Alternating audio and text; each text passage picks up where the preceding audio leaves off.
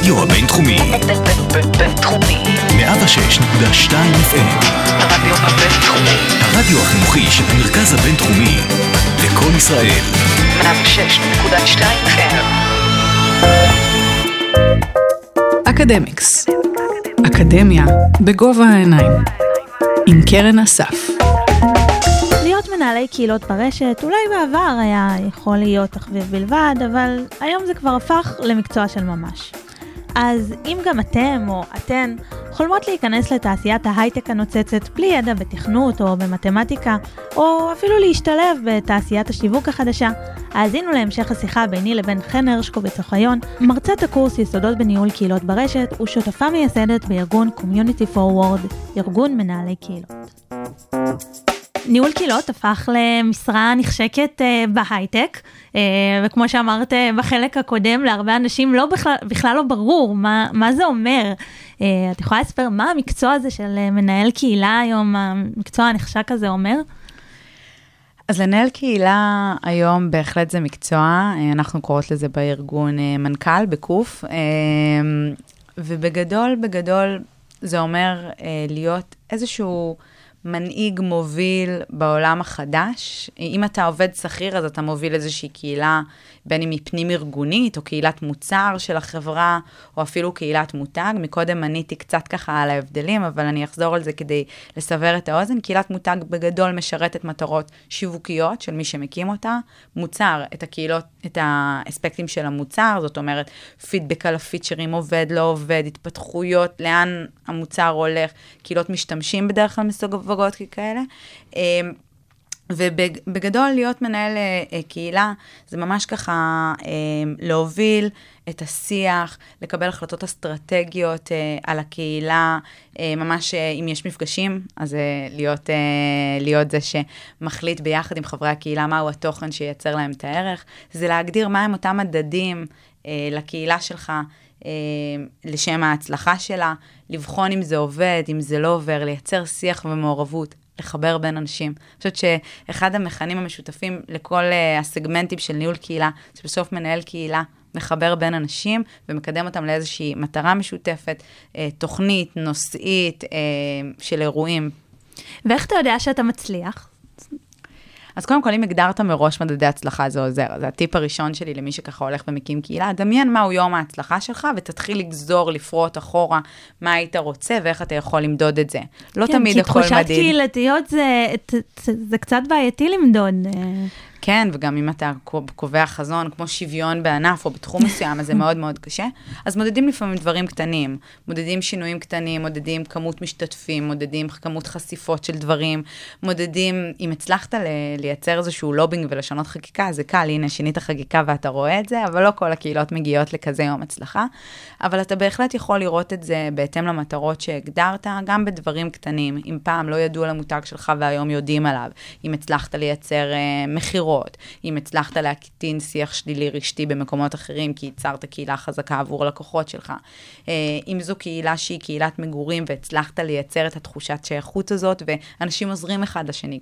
כפי שלא היו עוזרים קודם לכן, והם עושים את זה באמצעות הקהילה. אז באמת לכל קהילה, תלוי במטרות שלה, צריך להגדיר לה מראש את ה-KPIs, אה, ולראות גם את המגמה. אין, איך לברוח מדאטה, מעלים את זה על אקסל, ורואים את המגמה לאן זה מתקדם. אה, דיברת פה על שני סוגים, או לפחות אצלי בראש זה שני סוגים של אה, ניהול קהילות כעבודה, יש את זה שאתה שכיר, קהילת מוצר, חברה סוחרת אותך, וקהילה שיש לה מטרה... נגיד את זה אמורפית, נגיד אה, לשנות חקיקה, מה שהעלית, לשנות תחום. אה, אפשר להתפרנס, אה, לראות כעבודה קהילה ספונטנית, שאת לא שכירה של החברה ש... אז, אז רגע, בואי נעשה סדר mm-hmm. במה שאמרת. Uh, קודם כל, את צודקת, אבל אני אחדד את זה טיפה mm-hmm. יותר. אתה יכול להיות שכיר באיזשהו ארגון, אתה יכול uh, להיות שכיר, כמו שאני הייתי, בארגון בוגרים, אתה יכול להיות שכיר בחברת הייטק בקהילת מוצר, או בקהילת מותג כלשהי של חברה, וזה מסלול אחד, המסלול שאתה יחסית שכיר בו, יש גורם מסוים, לא משנה מה המטרות שלו, וזה פורמט אחד. הפורמט האחר הוא שהקמת איזושהי קהילה ובנית לה בדיעבד מודל עסקי. זה חלוקה די גסה, כמובן שיש דברים in between, אבל נלך על זה רגע. ואז זה אומר שאתה בעצם מעין יזם קהילתי. הדבר הכי בסיסי שקהילות עושות כדי לייצר בהם מודלים עסקיים, וגם מזה אפשר להתפרנס, וגם מהמודל הראשון שציינתי אפשר להתפרנס, ועוד שנייה גם אפשר לדבר קצת על מספרים. בעצם אה, במודל השני, אתה, כשאתה מעין יזם של קהילות, אנשים עושים חסויות ושת"פים מסחריים בקהילות, ויותר ויותר חברות מכל סוג שהוא, מבנקים ועד uh, חברות נדל"ן וחברות uh, uh, צרכנות ומה שרק תרצי, מבינות את הכוח הטמון בקהילה ובשיתופי פעולה שמשרתים את הערך של ווין ווין ווין של המותג, של מנהל הקהילה ושל חברי הקהילה, גם מייצרים פעילויות מסחריות. זה יכולה להיות חסות לתוכנית מנטורינג שהקהילה מקיימת, זה יכולה להיות, כמו שנתנו על רעות הדוגמה, ממש אה, מועדון צרכנות אשראי, זה יכול להיות אה, פשוט איזושהי אה, פעילות תוכן, קורס שנעשה בשיתוף פעולה גורם, לא יודעת מה, בית השקעות במימון, בקהילה שרוצה לקדם. ידע פיננסי בתחום, באוכלוסייה מסוימת. באמת השמיים הם הגבול ויצירתיות פה היא גדולה. אה, ובהקשר הזה יש היום הרבה מנהלי קהילות, בצורה, במודל עצמאי, פרילנסרי, יזמי, שממש מקימים חברות אה, מהקהילות שלהם, וכן, אפשר ממש להתפרנס מזה, אפילו להתפרנס מזה טוב. כשכירים, אני חושבת שתחום אה, ניהול הקהילה עוד לא הגיע למקסום השכר שלו. אה, כל שוק העבודה רותח כרגע, ואנחנו רואים משרות מאוד בכירות גם בענף אה, ניהול הקהילות. אה, פתאום Head of Community ו-VP Community. זה ממש מיני... VP? Vice President? כן, זה פחות, אה, את פחות רואה את זה, את יותר רואה Head of או Community Manager. Manager, או כל מיני Director of, אבל כבר כן מתחילים, אה, מתחילות לעלות המשכורות. לפי סקר שכר שלנו, בכל מיני uh, תחומים להגיע בין 10 ל-20 אלף שקלים, בהייטק גם לעבור את ה-20, ואני חושבת שבסקר הבא כבר נראה 20 עד 30 בענף ההייטק uh, בתחום שלנו, ומתחילות להיות משרות. צריך לזכור שבענף ההייטק לא רק השכר הוא מה שחשוב, אלא גם אופציות ודברים נוספים, בטח אנחנו רואים התפתחות מאוד מאוד טובה בהקשר הזה, כמיסוד המקצוע והסטנדרט בתחום. הכניסה של חברות בינלאומיות, ההנפקות, תקופת היוניקורנים הנהדרת עשתה גם טוב אה, בתחום הזה, כי בהרבה מהחברות האלה יש קמיוניטי, והקמיוניטי אה, עזר וסייע אה, לחברות ולעסקים בתקופת הקורונה, ולכן גם מועברים אליו לאט לאט משאבים, לא הכל ורוד, עדיין קשה לגייס גם בתוך חברות גדולות משאבים לקומיוניטי, אבל זה בהחלט משהו בתחום שמאוד מאוד מתפתח ומתחיל לקבל ככה ביסוס בארץ, בטח בעולם. ו... בעצם, את אמרת ווין ווין ווין קודם. נכון. יש בעייתיות עם להגיד ווין ווין ווין, כי בעיניי, כי אם אני מתפרנסת ממשהו, אז הרצון שלי הוא לא תמיד יהיה זהה לרצון של חבריי לקהילה, פחות אם אנחנו מדברים על חברה שהמנכ"ל רוצה שלעובדיו יהיה טוב, אלא יותר אה, ליצור שיתופי פעולה שיותר משתלמים לי מאשר אה, לחברים, איך בוחר... אז זה מאוד ריסקי. אני מאוד מסכימה איתך, זה גם מאוד מפתה, אני אגיד שנייה ברע, לעשות פעילות מסחרית שמטיבה ממך כלכלית ולא רואה את הצד השני. העניין בקהילות זה שאם אתה תפר את האיזון הזה, ולא תדאג באמת לחברי הקהילה, ולא תנגיש תוכן באמת איכותי, או תביא הזדמנות מסחרית, או הטבה, או הנחה, או ספונסרינג, או כל מודל, לא משנה, מסחרי שהכנסת לקהילה, אם תפר את הווין ווין ווין בצורה אמיתית, לאורך זמן הקהילה שלך לא תמשיך לפרוח, לא תהיה מעורבת, לא תשגשג. ולכן מנהלי קהילות, ויש המון כאלה שעושים את זה בצורה מדהימה, בוררים את השת"פים המסחריים שלהם, כי אחרת, ומאוד מאוד זהירים עם זה, ובאמת דואגים לווין ווין כי אחרת לא תישאר להם קהילה. וכשאתה מקים baby, בטח בקהילות החברתיות, מפתח אותו שנים, אתה לא בשביל איזשהו פוסט, גם אם הוא כלכלי לך, תפר את ה balance הזה, ברור שיש מי שכן, ויש לזה גם מחיר, אבל אני חושבת שרוב מנהלי הקהילות, ובטח אלה שמתפרנסים מהקהילה, מאוד מאוד שומרים עליה. וזה אומר להביא שיתופי פעולה שהם באמת מאמינים במוצר, ושהם התייעצו עם חברי הקהילה וראו שיש בזה ערך, ולפעמים ההתייעצות היא זאת שמובילה. אני אתן דוגמה ל... בנשים מדברות נדל"ן, היה איזשהו שיח בעולמות הביטוח, ואחרי זה כמו כפפה ליד הצלחנו לייצר איזשהו שת"פ בתחום הזה, וזה היה מאוד, באמת ווין ווין ווין לכל הצדדים, כי אותה חברת ביטוח הייתה בקמפיין מתאים, חברות קהילה שעלו על נושא שהם רצו להעמיק בו את הידע, אנחנו היינו הפלטפורמה להנגיש את הידע, זה באמת היה ווין ווין ווין, וכן גם אה, תוגמלנו על זה. אבל אני באמת חושבת שהבלנס הזה והשמירה על זה היא הדרך היחידה לעשות את זה נכון בקהילות, ואם לא, אז קהילות לא, לא ממשיכות לפרוח ולשגשג. לאורך זמן, זה לא, זה לא עמיד. זה לא יחזיק, כי כן. חברי הקהילה הם ביקורתיים. ויכול לעלות קמפיין, ואם הוא לא קשור, חברי הקהילה יגיבו על זה, אני מזכירה, אנחנו בקהילה, הפיד פתוח, לכולם יש וויס. ולכן אתה גם מאוד מאוד זהיר, אתה צריך להכיר את הקהל שלך, לדעת מה מתאים לו, לדעת איך לשווק לו את זה. אחרי כמה זמן, אם אני מקימה קהילה היא, הופך, היא יכולה להפוך ל... זה כמובן בטח תלוי באופי הקהילה והסוג וזה, אבל זה, יש איזשהו מינימום של זמן שהיית אומרת, אה, תני לה לפרוח, אל תהפכי אותה לעסקית, ו... יש קהילות שמהיום הראשון שלהם יכולות להפוך, כי לשם זה הם הוקמו. אה, אין פה נוסחה, אין נכון, לא נכון. יש באמת עבודת עומק ואסטרטגיה על מה המטרות שלך מהקהילה, מה המטרות של חברי הקהילה, זאת אומרת, למה הם הצטרפו ומה נותן להם ערך.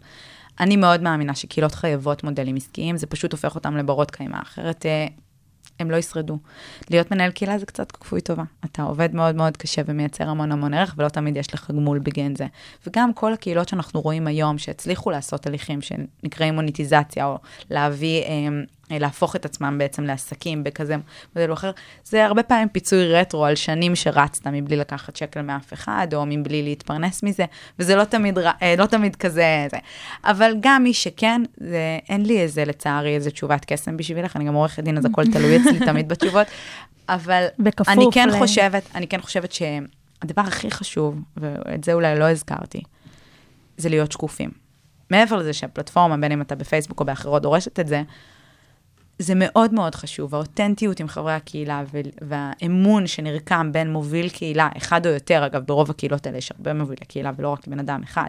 גם המילה מנהל קהילה היא מטעה פה, לפעמים אתה רק מוביל את הקהילה או מייצר את השיח, אבל לא מנהל שום דבר.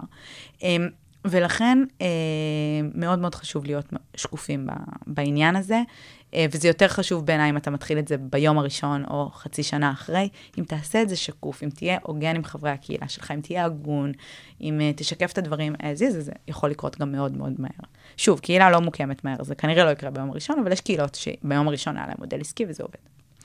ואם אנחנו מדברים על קהילה כעבודה, אז מעבר לניהול קהילה, קהילה הפכה לכלי שיווקי. זה, זה משהו ש, שממש משנה את עולם השיווק היום. ל, אנחנו כבר לא רוצים לראות שלטי חולצות שאומרים לנו, אה, תקנו את זה, אנחנו רוצים לקבל את זה מאנשים. אה, נכון. אז קודם כל, קהילה הפכה גם לכלי שיווקי, אה, באמת אה, היא יושבת בעוד מקומות, לא תמיד היא קהילה שיווקית, לפעמים היא יושבת, כמו שתיארנו מקודם, באפיק המוצר, או תחת אה, גורמים אחרים, או חדשנות, אבל בגדול אני מסכימה איתך, רוב הקהילות שאנחנו מדברים על מותגים וחברות מסחריות, יושבות תחת תקציבי או תחת ניהול שיווקי. בהחלט אני מאמינה שעולם השיווק אה, משתנה. אם אני אקח סקר אה, לא שלנו, של מנהלי שיווק מצייצים, בשנה שעברה גם ראינו גידול לאט לאט בעלייה אה, בתקציבים שמנהלי שיווק שמים בקהילות. אני יכולה להגיד גם בתור מי שמובילות קמפיינים, אנחנו מאוד מאוד מרגישות את זה. אנחנו מובילות קמפיינים של פעילויות תוכן של חברות בתוך קהילות. אנחנו באמת מרגישות שהיום אנחנו מדברות עם חברות, עם ארגונים שרוצים להעביר מסרים. אולי השיא, אני חושבת, של, של הדבר הזה היה שנערך אה, אה, בתקופה של ימי הקורונה מפגש עם אה, נפתלי בנט, ראש הממשלה, שגם הוא רצה במאמץ לגייס את מנהלי הקהילות למאמץ של נטילת הבוסטר. אני לא נכנסת לעניינים של בעד או נגד חיסונים חלילה, ואני חושבת שרואים את הכוח הזה של בקהילות, ובסוף ראש הממשלה גם צריך לשווק את הרעיונות שלו. אה, אז זה לא שיווקי היה, זה באמת היה מאמץ חברתי, אבל גם פה אה, ראינו את זה. אוקיי, אבל היום השיווק בקהילות הוא בנוסף לשיווק הקלאסי. הוא לא במקום, את חושבת שהוא גם משנה את אופי השיווק הקלאסי? Um, נכון, הוא בנוסף, הוא לא במקום, למרות שיש חברות שיגידו לך שרוב תקציב השיווק שלהם נעשה uh, בקהילות או עם מאפיינים קהילתיים. אני חושבת שבכלל עולם השיווק הוא עולם שרץ מאוד מאוד מהר. קטונתי uh, uh, להגיד לך uh, מתי, uh, מתי משהו אחד בעולם השיווק המסורתי ייעלם או ישתנה. אני כן יכולה להגיד לך שיש חיבור מובהק ומלא בין השיווק המסורתי לקהילות. אני אתן דוגמה, גם כשקהילה עושה איזשהו קמפיין בתוך הקהילה, קהילות עם מותג חזק, את פתאום רואה את זה גם במס מדיה, את רואה את זה עולה לשלטי חוצות, אני יכולה לתת דוגמאות מהעבר, אה, הקמפיין שלה בפיגום שעלה לשלטי חוצות, הקמפיין של הישראליז עם אה, אה, הקפה הטורקי שהגיע גם לטלוויזיה וגם, זאת אומרת, אני רואה סינכרון מלא. אני חושבת שבסוף יש לכולנו אתגר באיך אנחנו מגיעים לקהלי היעד שלנו. אנשים צריכים להיחשף למשהו המון פעמים כדי לעשות איזושהי פעולה, mm-hmm. וקהילות היא חלק מהדבר הזה. אני כן uh, רואה הבדל מאוד מאוד גדול כמו שאמרת, בזה שכשאני מתקשרת בתור מובילת קהילה, אני מוסיפה את המוניטין שלי, את הערך שלי, כשאני, אה, לעומת שלט חוצות, או אה, כל אפיק אחר במס מדיה, וזה יתרון גדול לקהילות, אה, אבל עוד לא, בואו לא נספיד אה, ערוצי אה, שיווק אחרים כל כך מהר, אני חושבת שזה לכל מותג, לכל קמפיין, התמהיל הזה מאוד מאוד מאוד תלוי. מה, מה, אם מישהו מעניין אותו לעבוד כמנהל קהילה, איזה מאפיינים את חושבת אה, שצריכים להיות לאותו בן אדם, או... אני חושבת שהכי חשוב בניהול קהילה זה להיות איש של אנשים. אתה צריך לדבר עם הרבה אנשים, בין אם אתה מתכתב איתם במקלדת, בין אם אתה כותב להם, בין אם הם עונים לך. אני חושבת ש, שזו תכונה שהיא חשובה. אה, כל בן אדם שניחן ביכולות מנהיגות, זה עוזר יכולת הנאה של אנשים לפעולה, אה, חיבור בין אנשים. אני חושבת שיצירתיות, במיוחד אה, ראינו את זה עכשיו בקורונה, הרבה קהילות היו צריכות להמציא את עצמם מחדש, לשנות, בין אם זה את המודל העסקי, שזה ברור שהכל השתנה, בכל תחום אגב, אה, גם לא רק את המודל העסקי, את איך אתה כותב, פתאום היה תקופה שוובינר עבדו מדהים, ואז אף אחד לא רצה לשמוע את המילה וובינר, כולנו היינו בזום, ואז לא רצינו להיכנס לזום, זאת אומרת, היכולת אה, של אדפטציה, היכולת של קשב אמיתי לצרכים של מישהו אחר. מנהלי קהילות טובים כל הזמן קשובים לצרכים של הקהילה שלהם. הם לא חושבים שהם יודעים מה חברי הקהילה אה, רוצים, הם מספיק אה, מוכנים לשאול כל הזמן ולהתעדכן. יש עוד כל מיני דברים שעוזרים אם אתה איש שיודע לכתוב תוכן, אז זו תכונה חשובה. שוב, הכל אפשר אה, ללמוד ו... איך, אבל את אמרת אה, קשובים. אה, איך, איך אפשר להיות להיות קשובים למאות אנשים, לאלפי אנשים? לעשרות אלפי, למאות אלפי. כן. זה... אז קודם כל, להיות קשובים זה לפעמים אה, גם להשתמש באמצעים טכנולוגיים ולשאול בסקרים, זה יכול להיות אה, פגישות אישיות, זה יכול להיות שאלונים, זה יכול להיות לזכור את הפיד בכל מיני כלים טכנולוגיים מתקדמים, יש המון דרכים, זה טכני. במהות זה ההבנה והפתיחות לקבל את זה שאולי הקהילה רוצה משהו אחר ממה שחשבת, וזה מה שחשוב בעיניי, כי את הפן הטכני כולנו נפתור, נלך, נבוא לקורסים כאלה ואחרים, נשלים את הפער, איך עושים את זה, זה טכני. במהות, אני חושבת שזה משהו שהוא חשוב, אה, ובדרך כלל אנשים, יש אנשים כאלה, אנשים שאוהבים להתייעץ, להקשיב, ללמוד ואז להסיק מסקנות, וזו תכונה שהיא חשובה מעבר לכמו שאמרתי, מנהיגות, יכולת לכתוב תוכן, דברים אחרים שעוזרים כמובן. שוב, הכל ניתן לרכוש וללמוד ולשפר, אבל זו נקודת פתיחה מעולה. אני קודם אמרתי uh, שמנהל קהילה הפך למקצוע נחשק בהייטק, אבל uh, הייטק זה פשוט נשמע נוצץ, זה ממש לא, לא רק uh, בהייטק. נכון, מנהל קהילה נהפך למקצוע, קודם כל נתחיל מזה. אפשר להגיד את זה בקול רם, ושאנשים לא יגידו לי, רגע, אז, אז, אז מה את עושה? מתפרנסים מזה? אז כן, מתפרנסים מזה, וזה מקצוע. ובאמת זה ממש לא רק uh, uh, בהייטק, למרות שיש אחלה משרות עכשיו, אם תפתחו בטיק טוק ובכל מקום, uh, ואין לי אינטרס, רק uh, תפתחו ותסתכלו. ובהמון אה, אה, סטארט-אפים ויוניקורנים, וזה ממש אחלה. אבל מעבר לזה, יש מנהלי קהילה בעמותות. המדינה פתחה המון המון תפקידים של ניהול קהילה בכל מיני משרדי חדשנות למיניהם. אנחנו אה, עשינו קורס שהקלטנו אותו דיגיטלית חינם לחלוטין, שמשרד האוצר הנגיש אותו לאנשים שרוצים לעשות אה, שינוי קריירה בכל גיל שהוא, ו... אה, מונגש לציבור במסגרת הזו. שינוי קריירה להיות מנהל קהילה? כן, או שינוי קריירה? כן, okay. אוקיי. להיות מנהל קהילה. ממש אנחנו קורס יסודות כזה, איך להיות מנהל קהילה, בשפה מאוד מאוד פשוטה, מאוד מאוד בסיסי, מוגש לציבור ממש מטעם המדינה, מטעם משרד האוצר, מתוך הבנה שמקצועות העולם החדש הם הדרך שלך גם, למשל, בגיל השלישי, להמשיך להמציא את עצמך מחדש בתקציב יחסית במקרה הזה חינמי או זול, אה, לעומת ללכת ללמוד עוד תואר או דברים כאלה. אה, ואז באמת ככה מכניסים עוד אנשים למעגל העבודה, עוזרים לאנשים כמשרה נוספת לפעמים בתחום, אז זה גם קורה. מגזר שלישי, עמותות באמת מאוד גדולות, מקימות קהילות מתנדבים, אה, קהילות תורמים, ארגוני בוגרים, בכלל תחום שפורח בישראל, מעבר למוסדות אקדמיים שברור, הגופים עסקיים נכנסים לתחום הזה, מקימים ארגוני בוגרים למשרד רואי חשבון, אנשים שעזבו הולכים והופכים ללקוחות, כנ"ל עורכי דין. אמ, באמת אתה יכול לראות את ההתפתחות של המקצוע כמעט בכל חברה, כמעט בכל תחום, בענף הנדל"ן, קהילות מגורים, קהילות משקיעים. כל קהילה כזאת שאני זורקת לאוויר נגמרת בסוף הליך אסטרטגי בגיוס עובד. או בפרילנס או במשרה מלאה, וזה משהו שגם מפתח את שוק העבודה והוא נפלא. אמרת גיל שלישי, זה מעניין, איך הם מתמודדים עם... אז יש הרבה קהילות אה, לגיל השלישי בכל מיני פלטפורמות, אה, מנשים מעל 50 ומוטקה ואחרות, באמת, אה, 50 זה צעיר, אבל אה, 60-70... בנשים מעל 50 יש נשים מעל 50, ללא הגבלה. אה, אז נכון, את צודקת, 50 זה צעיר, אה, אה, את- אני יותר קרובה לשם ממך, זה ממש צעיר, אני עוד לא בת 40, אבל זה עדיין מרגיש לי כבר קרוב מדי. אה, איך הם מתמודדים? יש אתגר טכנולוגי, זה ברור, ככל שהדברים יותר פשוטים, יותר טוב. יש הרבה תוכניות שגם מחברות באמצעות תהליכי אה, דיגיטציה, גם פה אני יודעת, בבין תחומים מתעסקים בזה לא מעט. אה, פה ברייכמן. אני חושבת שזה אתגר, אבל יש שם צורך גדול. כי אתה מסיים את שלב העבודה שלך ויוצא לפנסיה, ונושא הבדידות, שמאוד אפיין את השנה האחרונה עם הקורונה, הפך קהילות גם בכל גיל ליותר משמעותיות, ובטח בגיל השלישי, כשאתה בבית ואתה בקבוצת סיכון, והם סבלו יותר מבידודים ומסגרים מאשר האוכלוסיות הצעירות שהיו פחות, היה גם תקופות שממש ככה אמרו, תשמרו על הסבא והסבתא, אז זה אותם סבא וסבתא ש...